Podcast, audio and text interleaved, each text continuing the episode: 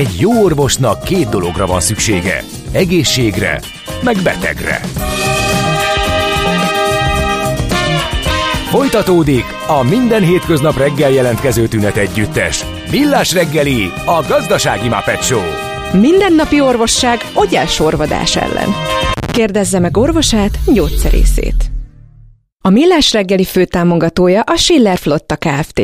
Schiller Flotta is rendtakár. A mobilitási megoldások szakértője a Schiller Autó tagja. Autók szeretettel. A műsor támogatója a CIP Bank, az online kisvállalkozói hitelajánlat készítő felület szolgáltatója. Jó reggelt kívánunk, kedves hallgatóink! Folytatjuk a Millás reggeli műsor folyamát. 8 óra 7 percon 2023. április 20-ai kiadást készítjük itt Várkonyi Gáborral. És Mielovics Andrással gyors szolgálti közlemények, hogy aztán tudjuk folytatni az adásmenetet 0 36 98 0 980 SMS, WhatsApp és Viber számunk, és erre érkezett egy gyors közlekedési információ. Amit, amit nem tudunk Ö, igen, kérnénk némi segítséget, vagy az írótól, vagy a többiektől, akik arra felé tartózkodnak. Úgy hangzik pontosan, hogy az m 0 Budakeszi végénél Buda felé baleset, teljes útzár, Duna Kesziig beállt már, ami azt jelenteni, hogy gyakorlatilag a nullást elfelejthetjük erre a délelőtre. Igen, de hogyha a Budakeszi az nem Budakeszi, hanem Dunakeszi. Úgy is. Úgy is elfelejthetjük? Úgy is, úgy is rosszul hangzik a dolog, csak akkor egy szekcióra tudjuk bontani, így meg azt hát, lehet mondani, hogy az elejétől a végéig, az faltól egyik, falig. Az egyik szemem sír, a másik nevet, de hát akik arra haladnak, azok uh, tudnak bennünket hallgatni, úgyhogy most tartalmat fogunk sugározni meglepő módon Selfie az iránti igényeteket pedig, pedig Mielovics gazda teljesítette. Igen. No, a mostani beszélgetés autóiparhoz kapcsolódik, lesz futómű rovat, és nem kell aggódni, abban majd másról lesz szó, de egy kicsit gondolatindító beszélgetésre kerül sor. Hogyan áll az autóipari beszállítóknak a szénája, magyar autóipari beszállítók szénája? Erről beszélgetünk Nyírő Ferenccel, a Control Hungary Kft. ipari digitalizációs üzletágának vezetőjével. Jó reggelt kívánunk! Jó reggelt! Jó reggelt. Jó reggelt kívánok minden kedves no, hallgatónak! Hát minden nagyon szép, minden nagyon jó. Van egy csomó nagy autóipari cég Magyarországon, ezeknek reméle, reményeink szerint egyre bővülő magyar beszállítói köre, hát akkor most miért aggódjunk? Hát elég összetett a kérdés. Én azt gondolom, hogy rövid távon nem nagyon kell aggódni a, a beszállítóknak. Tehát most eljutottunk oda, hogy a lehető legkomplexebb autókat állítja elő az autóipar. Ha megnézzük, a hibrid autó az a, a, a belső égésű motort, illetve az elektromos hajtásláncot is egyszerre tartalmazza, de a trend az egyértelmű, megyünk az elektromos autók irányába. És az, az európai autóipar, amiben mi is be vagyunk ágyazódva, olyan kihívásokkal szembesül most, amivel még soha nem szembesült. Gyakorlatilag megjelent a Tesla, mint egy nagyon potens kihívó nemzetközileg, fölülről, és elektromos autó világában kijelölte azt a, elektromos autók világában kijelölte azt az utat, ahogyan érdemes és lehet profitábilis elektromos autót gyártást végrehajtani és a Tesla nyomán Tesla mintáját követve megjelentek a kínai gyártók tömegével, akik pedig alulról árral versenyezve próbálják megszorongatni az európai autóipart, és Láthattuk azt, hogy nagyon brutális átalakuláson megy keresztül az autóipar. Gyakorlatilag a Covid, illetve az azóta megjelent különböző válságjelenségek nagyon komolyan belegázoltak az eddigi status quo-ba, a Covid szétzilálta a beszállítói láncokat, majd jött a chiphiány, a chiphiány pedig azzal járt, hogy a nagy gyártók, az oem a rendelkezésre álló kevesebb csipet, azt a drágább autókba koncentrálták. Mind a kettőnek az lett az eredménye, hogy csökkent a, a gyártott autóknak a száma, miközben az oem növelték a profitot, addig a, a beszállítók számára a beszállítható alkatrészeknek a mennyisége ez csökkent. Itt emelném ki a Teslát, illetve az elektromos autóknak a másik jellegzetességét, ugye, hogy sokkal kevesebb alkatrész kell a, a, a, a hajtáslánchoz, körülbelül tized annyi alkatrészre van szükség, mint egy belső égésű motorra felszerelt autónál, és van még egy másik nagyon fontos fejlesztés, ami szintén egy, egy nagy változás, egy disruptív, egy ilyen átörös jelentő technológia, amit szintén a Tesla indított el. Ez az, hogy a, a, a futómű, illetve a, a alváz ö, ö, sor, egy sor ö, alkatrészét, nagyon sok alkatrészét egy-egy nagy öntvényel helyettesítik, és ezt összekötik egy teherviselő akkupakkal, tehát gyakorlatilag három nagy alkatrészsel kiváltanak több száz alkatrészt, tehát a Tesla Y esetében 370 alkatrészt jelentett. 360, 370 alkatrészsel kevesebb alkatrész van, amit a beszállítók le fognak gyártani. És ez a trend, ez elindult más gyártóknál is, tehát hogyha kicsit hosszabb távon nézzük, akkor ez fog jönni, hogy csökkenő autóvolumen mellett egyszerűsödő konstrukció mellett egyszerűen, ha az elektromos autók tömegessé válnak, mint ahogy most még azért nem, de hogyha tömegessé válnak, akkor jelentősen csökkenni fog a beszállítható autó alkatrészeknek a száma. A gigacastingról pont a múlt héten beszélgettünk az adásban, azért ez felvet sok különböző kérdést, de mielőtt ebben tovább mennénk, azt gondolom, hogy azt mindenképpen érdemes a hallgatóknak érteniük, hogy, és erősítsen meg ebben, hogy ez egy általános trend, hogy egy a, a munkahelyek számának csökkenésével arányosan az autógyártók, tehát az OEM-ek megpróbálják bizonyos feladatok visszahozatalát ugye a, a márkán belüli régióba, tehát a, a hogy mondjam, a, a szakszervezetek és a politika irányából érkező nyomás, ami a munkahelyek leépítéséről szól, vagy azzal kapcsolatos problémákat generál, azokat a beszállítók kárára próbálják visszahozni a saját gyártásba. Hát ez, ez így van, hát erre nagyon jó példa a Tesla, aki a gigapresszeket ugye házon belül használja, és uh, én láttam egy videót, amikor a Gigapressnek a bejelentése történt, azzal kezdődött a videó, hogy egy nagyon modern, ultramodern gyárat mutatott a, a, a videó, ahol robotkarok nyúlnak be mindenhonnan, és ember azt gondolta, hogy erről fog beszélni a Tesla vezére, és mondta, hogy nem, ez mind a múlté, ehelyett van ez a hatalmas nagy, egyetlen egy öntőgép, ami ezt az egész üzemcsarnokot kiváltja, tehát nem kell hegeszteni, nem kell tárolni különböző alkatrészeket, nem kell külön megtervezni, egyetlen egy, illetve kettő nagy, gigantikus öntvényt kell elkészíteni, és az az idő töredéke alatt elkészül, ami viszont azért érdekes, mert ez önmagában a Teslának ezen alkatrészek tekintetében kb. 40%-os költségcsökkentést jelentett, és a Teslának ugye két opciója volt, hogy mit kezd ezzel a megtakarítással, vagy extra profitot tesz zsebre, vagy pedig árversenyt, árháborút indít el. És látjuk, hogy a Tesla Hát úgy érzük, hogy az árháborúra Igen. tette le a voksát a Tesla. Igen. De Ezt hát a... épp a gyors jelentésében is ugye olvastad, Gábor, hogy azt Igen. mondják, hogy ők olcsó elektromos autót szeretnének előállítani, és ezzel beteríteni a világpiacot. De hát a gigacasting sem egy Tesla történet, hanem egy kínaiak által birtokolt észak-olasz cégnek a, a találmánya, tehát megint egy, hogy mondjam, egy olyan mítoszt szeretnék szeretnék itt lerombolni, mi arról szól, hogy ők találták ki ezt a dolgot. Viszont ugye pont ez az olasz cég mondja azt, hogy számos autógyártó kopogtat náluk igen, ugye igen. ezzel hát, a, ugye nagyon sok kapcsolatban. autóipari kapcsolatunk van, és látjuk azt, hogy a nagy cégek elkezdtek ebben az irányban szintén gondolkodni, hiszen ezt a árelőnyt valahogy le kell dolgozni. Tehát, tehát a, a, amit, amit a Tesla most elindított, az, az, az nagyon gyilkos. Ugye Tesla már harmadszor csökkentette az árakat az USA-ban, abból kettő ért ide Magyarországra. USA-ban már 39 ezer, nem tudom, 900 dollárért adják a belépő Teslát, ami egészen elképesztő árszint, és éppen napokban olvastam, hogy a, hogy a Renault eleinte elzárkódott attól, hogy belemenjenek ebbe az árversenybe, most azt mondták, hogy mégiscsak bele kell menni, hogyha, hogyha játékban akarnak maradni. A Ford és a Renault az a két nagy OEM, amelyik egyenlőre erre reagált, a többiek meg, meg kivárnak, majd meglátjuk, hogy ebből mi lesz, viszont az érdekelne engem, most magyar szempontból nézve, Igen.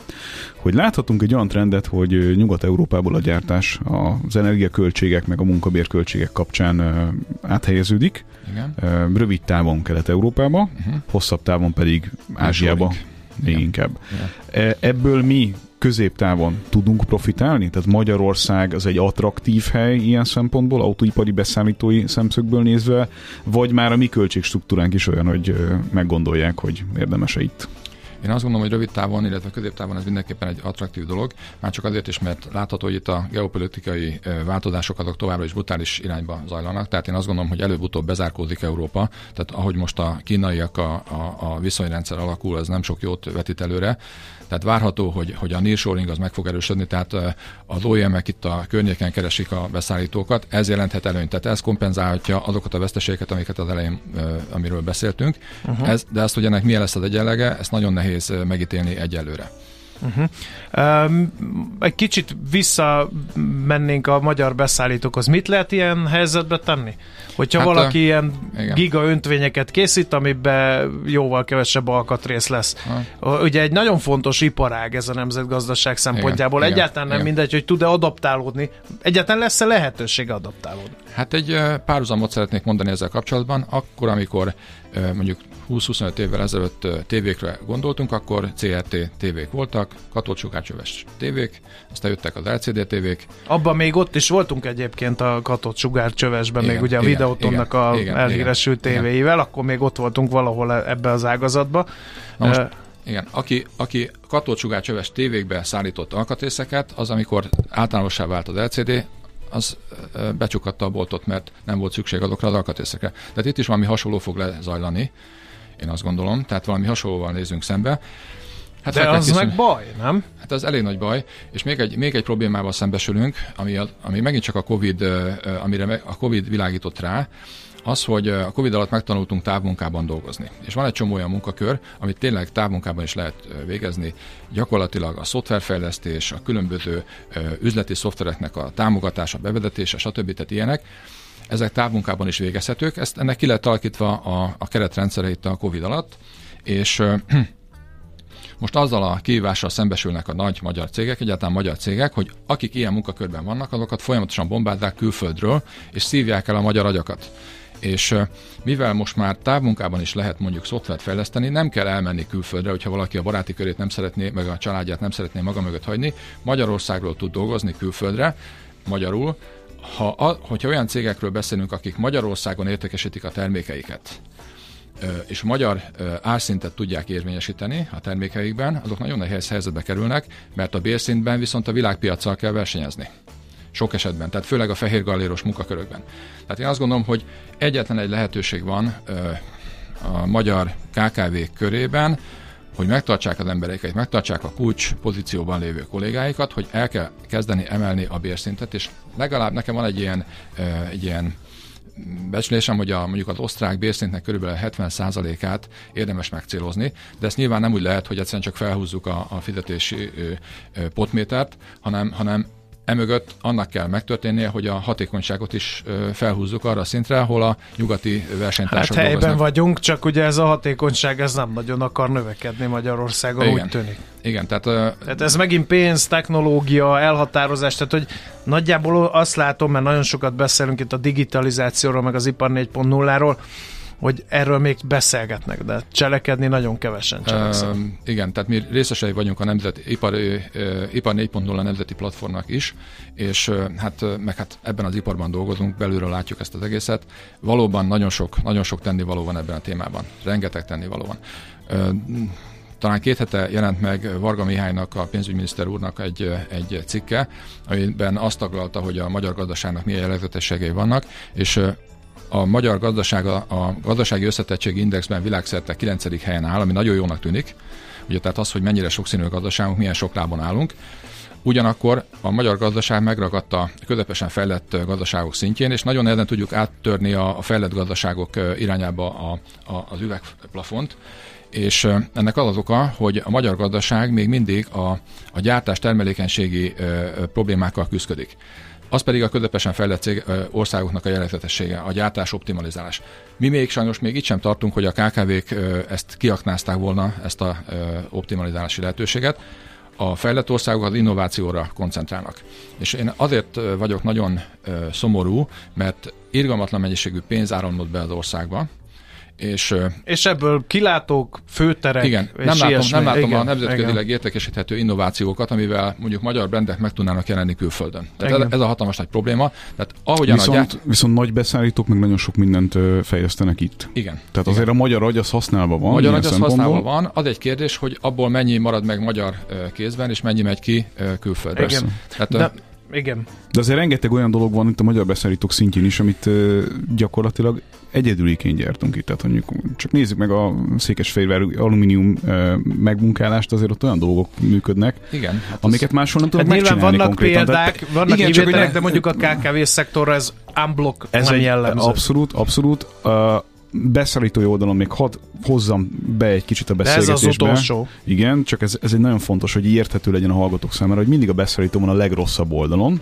abból az értelem, vagy abban az értelemben, hogy az OEM irányából brutális árnyomás van, ami ellen Folyamatos. nem nagyon tud van. védekezni. Igen. És még egy dolog van, tehát hogyha egy, egy magyar KKV csak a gyártásra optimalizál, akkor az egyetlen mérőszám, amit velőt megmérik, költség. az a költsége, az, a, az az ár, Az meg tud- kevés lesz, igen. És az a helyzet, hogy, hogy ha azt a alkatrészt egy török beszállító ö, 10 euróval olcsóban adja, akkor őt fogják választani, mert, mert ugyanazoknak a minőségi sztenderdeknek ő is meg fog felelni. Tehát, hogyha nincsen innováció mögötte, akkor, akkor, akkor nagyon nehéz a helyzet. És uh-huh. én azt mondom, hogy digitalizálni kell, innoválni kell, robotizálni kell, és főleg oktatni kell. Tehát azt gondolom, Akartam hogy is kérdezni, Igen. oktatással, igen. az, a, az az alacsonyan csüngő gyümölcs, amivel nagyon kevésbé élnek a magyar KKV-k, pedig azzal tudják a lehető legnagyobb hatást elérni a lehető legrövidebb időn belül, tehát a Pareto elv alapján azzal kéne foglalkozni, hogy folyamatosan képezzük a kollégákat, és bizony megnézzük azokat a digitalizációs lehetőségeket, amik az adott cégnek az adott helyzetéből kiindulva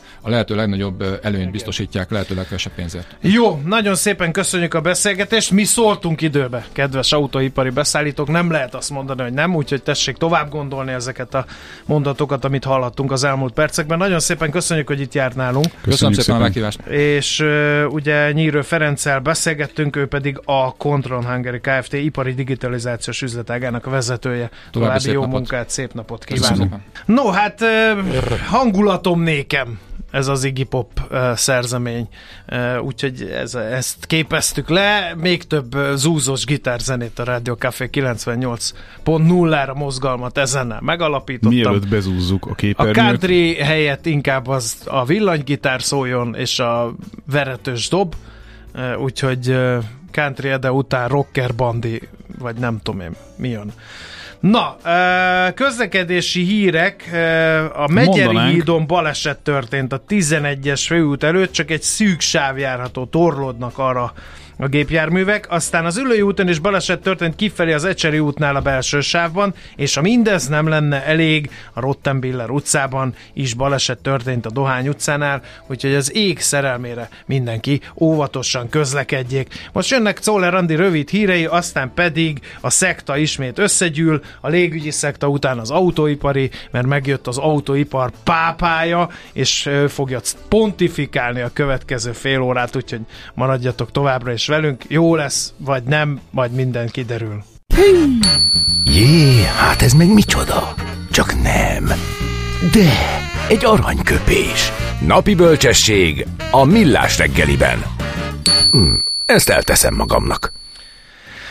No, hát 93 éves lenne Zsoldos Péter és Ács kollega úgy döntött, hogy akkor megemlékezik az ő életéről és munkásságáról egy aranyköpés formájában is, amely így hangzik. a sors különösen kegyetlen játéka, ha bűnhődésünk forrása a jó szándék és a lelkiismeretes munka. 93 éves lenne Zsoldos Péter. A lelkiismeretes munka. Nem tudom értelmezni korunk Magyarországán ezt a szó összetételt, ezért Ja, tartunk a románok mögött Ez egy állandóan. negatív csütörtök, vagy mi?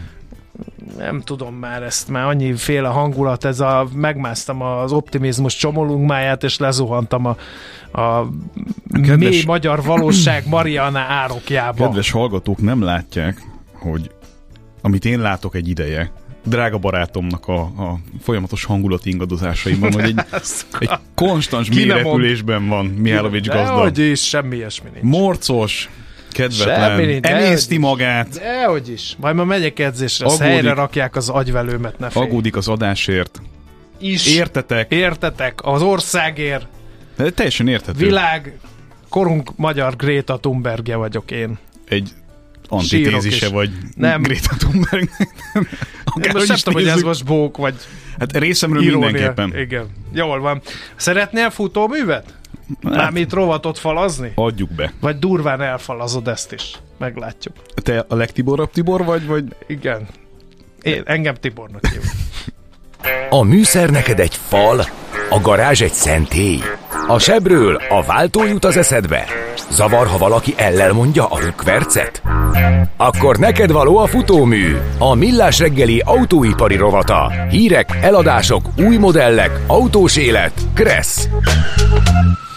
Na mielőtt szakmailag és emberileg közelítenénk meg az autóipar bugyrainak tintorettójával a kérdésköröket, előtte fejtsd meg nekem légy szíves, hogy mi ez a gépjármű, amire jöttél. Ez azért fontos, és nem bújtatott PR érdeklődés beszél én belőlem, hanem nem tudom nem észrevenni, mert egy félig háttalálsz a saját gépjárművednek, de hogy így az emberek meg, meghökkentően sokan megnézik, pedig így Számomra, aki ugye inkább a lovas ö, embereket és szekereket és stb. Ö, tartom szem előtt. Egy tök átlagos autónak tűnik, de úgy látszik, hogy a white szeműek azok ö, megnézik. Mi ez a, ez, ez valami új Renault, nem? Igen, kérlek szépen, ez a jelenlegi kedvenc elektromos autóm. Micsoda! Lassan másfél Hát járok. antagonisztikus ellentét van a Várkonyi Gábor, a kedvenc és az elektromos Ah, autó Istenem, hogy ez, ez, kifejezések egyszerűen, között. ezt egyszerűen nem lehet ettől a hülyeségtől megszabadulni.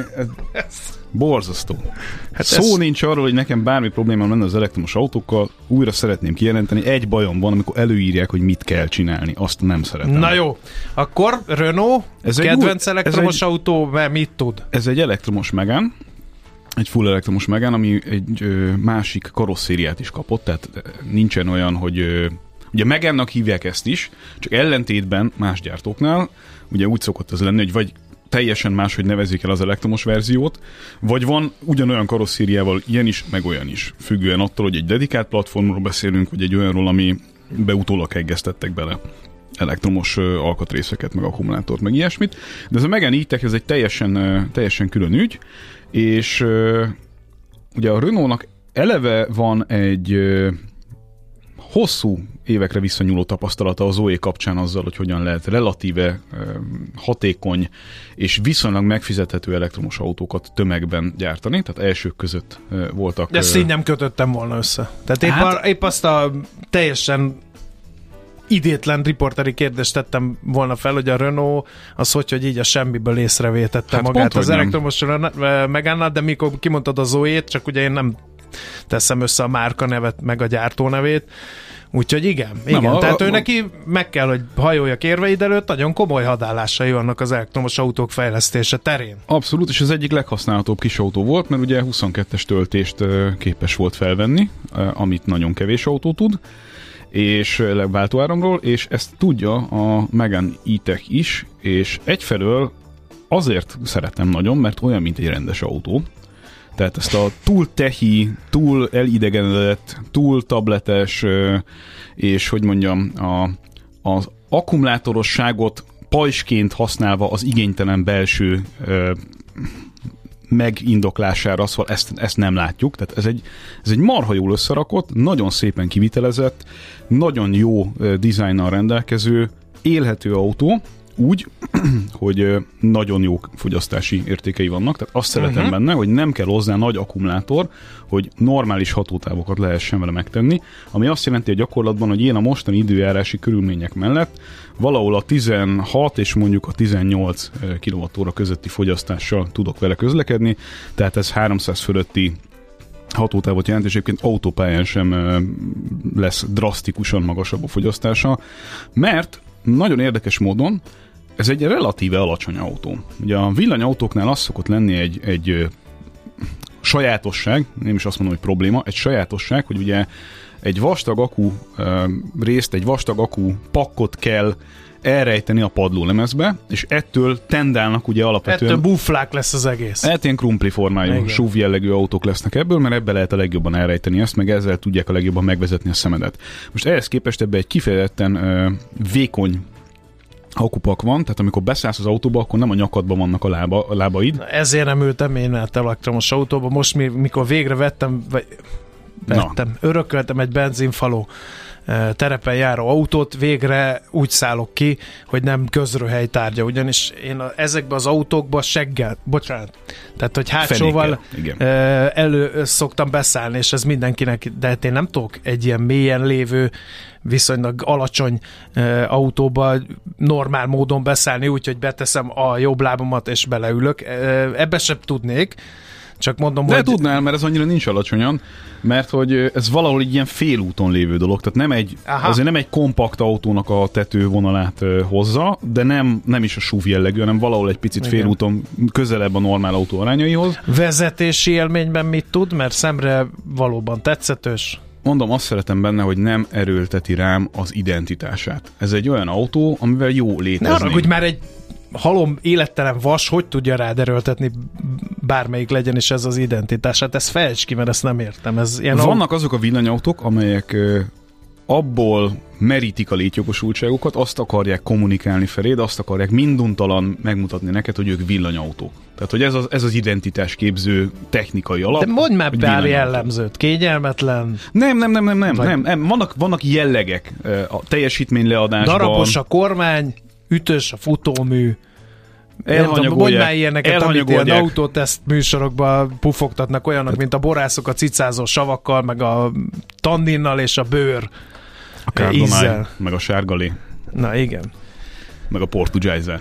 Hogy Régi. Na, nagyon elmentünk, tehát mi az, ami, ami, ami tök jellemző egy ez, a, ez a nagyon tehi irány. Tehát, hogy ha Ja. megnézzük a Mhm. nagy ö, autógyártókat, amelyek ö, egyik pillanatra a másikra váltottak nagyot elektromos irányba, azok valamiért sokszor úgy gondolják, hogy abban kell kifejezniük a fejlődés ígéretét, hogy ilyen elidegenedett belsőket, meg, meg Tehát ilyen futurisztikus, Igen. hogy lássuk, hogy érezzük, hogy ez a jövő. hogy ez valami más. Igen, igen, És igen. ehhez képest ez meg olyan szépen kidolgozott, mint egy, mint egy kvázi hagyományos autó, tehát jó beleülni, jók az anyagok, szépen körül van véve minden, és a teljesítmény leadása is inkább a harmóniára ö, Mhm. összpontosít, tehát hogy nincs ez a nyakon vág a nyomaték azonnal, hanem, hanem egy, egy ilyen szépen lineárisan működtethető egyszerűen lenyugtat. Ezt szeretem benne. Amúgy egy villanyautóval alapvetően elég jó dolog városban közlekedni. Oké, okay. na, akkor ezt megbeszéltük, ez az az autó, ami tényleg sokakat visszatekintése ingerel, de a másik témát azt vegyük elő, mert az meg megint e, ilyen szíven talált, Na. Hogy rebrandingelik az én kedvenc autómárkámat, amiben sose ültem, Mi a sose kedvenc fogok autómárkád? ülni. Hát a Land Rover. Tényleg. Bizony. Jó, mondjuk ezt kitaláltam De az a, az, a, az a régi, az a, az a lemezből készült igénytelen Defender, amit meghökkentő módon ilyen Mercedes G20-as, az a kocka Mercedes? G-osztály, és akkor azon belül ugye vannak a különböző motorok. Jósra hangoltak, amit én értek, mert hogyha a Merga eladja a, a gyártópadról gyakorlatilag ezeket a modelleket, akkor a hasonló termékeket gyártóknak fel kell ülni erre a vonatra, ha ők is szeretnék a gyártópadról, vagy minimális idő átfutással eladni, de, de, de így meg uniformizálódik. Nekem pont ez a fapados, kőkemény, amiről elhiszed, hogy átmegy ez mindenen uh, design hiányzik. Azokat az autókat nem küldeném meg a bakonyba. Hiába van rájuk írva az, hogy Defender. Hát akkor most megint egy kicsit elkalandozunk az eredeti témától, de ez alapvetően nem probléma. Csak Rángass vissza. Erre szeret, nem, erre azért akarok reflektálni, mert ugye az, amit te most leírtál, azt megcsinálta egy brit nagyvállalkozó, egy műanyagiparral foglalkozó nagyvállalkozó, az Ineos-nak a tulajdonosa, az Ineos Erről Midstream csoport. meséltél, én meg rákerestem, és tényleg nagyon jó. Ez ugye, ez az Igen. autó, ez arról szól, és egyébként baromi jól is megy a piacon egyelőre az előrendelések alapján, szóval az az autó az arról szól, amit te mondtál, hogy, hogy a Defender elment ebbe a picit luxibb irányba, tehát hogy ezt a rustikus gyakorlatilag Hát évtizedekre a fapados. visszatekintő Igen. dolgot ezt elengedték, és akkor lett ebből is egy, egy, egy, egy nagyon jó terepjáró képességekkel bíró, de azért ránézésre inkább lifestyle termék jelleget felvevő modell, ami egyébként szintén megtalálta a vevőit, csak hogy a Land Rovernek ugye pontosan az a szegmens, amiről az ős Land Rover szólna, az így kimaradt. És ezt a, az Ineos Grenadier ezt tökéletesen tudja hozni. Grenadier már a neve is. Ugye? Tudtam, hogy ez Rabul tetszeni fog. igen. Szóval ez az autó az, ami, ami a Defender emlékét őrzi tovább, és ami érdekes, hogy bejelentették a ILR-nél, ugye a Jaguar Land Rovernél, hogy rebrandingelik a céget, ugye ennek küldtem át a írét, hogy tudják készülni itt a mai műsorra. Önmagamhoz képest szerintem eléggé időben. tehát Igen. nem fél órával az adás előtt kaptad meg, hogy miről fogunk beszélni az autós rovatban. A, a, cég gyakorlatilag a Range Roverre, a Discovery-re és a Defenderre, valamint a Jaguarra fogja helyezni a hangsúlyt, és így fogják magukat House of Brandsnek definiálni lényegében, uh-huh. ami azért érdekes, mert a Land Rover ugye ebből a felsorolásból kimaradt, mert nem azt mondják, hogy innentől fogva nem lesz Land Rover, de hogy nem a Land Rover mint, mint márka, hanem a Land Rovernek a különböző ikonikus modelljei kerülnek inkább De akkor ez így megszűnik? Ez, ez, hogy Land Rover, ez a gyűjtő fogalom? És akkor hát, branding lesz Range Rover, meg Discovery, igen, tehát inkább de mi a különbözik a Defender, a Range Rover, jó tudom, a Range Rover ez a high class Igen. verziója a terepen járó autóknak, de akkor a Discovery az, az meg a közép, tehát a Defender a belépő szint, a Discovery a közép, A Discovery és az ugye a Range Rover a, a a Luxi uh-huh. verzió. Egyébként nem régiben volt nálam egy Range Rover Sport, ráadásul egy plug-in hibrid, egy óriási akkumulátorral, amivel tényleg meg lehetett tenni a körülbelül 100 kilométert. A engineering oldalon, tehát hogyha azt nézzük, hogy mérnöki szempontból mi van belerakva ezekbe az autókba, hát eléggé a teteje az autóiparnak, azt, azt nyugodtan merem állítani, mert hogy az indiai anyacég azért elég tág teret adott az elmúlt években a mérnököknek arra, hogy kísérletezzenek. Tehát a, az innováció meg a különlegesebb technikai megoldások párosítva szerintem egy olyan markáns dizájnnal, ami máshol nem nagyon megtalálható, az egy, egy nagyon nagyon erősen definiált helyet ad a világ autóiparában a JLR csoportnak. A probléma az az, és erről is nyíltan beszélni kell, hogy egyszerűen a kivitelezési oldal az hagy maga után kívánni valót, hogy finoman fogalmazzak. Tehát, hogyha az, a, az ipari átlagot nézzük, mondjuk garanciális költségek tekintetében, hát akkor ott a, az ipari átlagnak a messze teteje az, amit sajnos a JLR autóira költeni kell gyártói szinten. Az egy top prioritás volt, hogy ezt rendbe rakják. Egyfelől, másfelől meg az a helyzet, hogy az elmúlt két-három évben az elég turbulens változások voltak, tehát volt egy viszonylag rövid ideig a cég élén álló egykori Renault autó menedzser, mint, mint első ember. Ő nincs a cégnél. Rajta keresztül, vagy, vagy vele összeforva indult el tulajdonképpen az a, az a törekvés, hogy ebből a márkából is minél gyorsabban tisztán elektromos, vagy ebből a gyártóból tisztán elektromos gyártót csináljanak, amire szerintem nem, tehát nincs is nagyon alternatívája, inkább így fejezem ki a dolgot, mert hogy arra nem lesz pénz, hogy egy ekkora méretű cég szemben mondjuk egy BMW-vel vagy egy VW csoporttal egy ideig tudjon párhuzamosan működtetni egymással különböző technológiákat. Tehát ez amúgy is egy, egy relatíve alacsony darabszámokat produkáló autogyártó, egy eléggé lojális vevőkörrel, akik Szerintem az ő vevőkörük pont az, mint te, hogy az utolsó töltényig ki fognak tartani a benzin és dízel üzem mellett. Én így képzelem. Tehát gondolj Nem. egy elektromos jagú, bocsánat, Igen, mert ez írják, lesz. hogy miért nem mondom, hogy Land Rover, miért Land Rovernek mondom, úgyhogy Jaguar vásárlók szerintem pont ilyenek. Én azt gondolom, Nem. hogy, hogy ha megnéznénk az átlag jövedelmét a mondjuk a Range Rover vásárlónak, vagy a Jaguar vásárlónak, az szignifikánsan magasabb lenne más prémium autógyártókhoz képest. Nem láttam egész pontos ilyen számokat, de azért a, a Luxio oldalon ők tényleg a, a azt a végét képviselik a, a dolgoknak, ami, ami a, hogy mondjam, ahol nem számít a pénz, na, így lassan.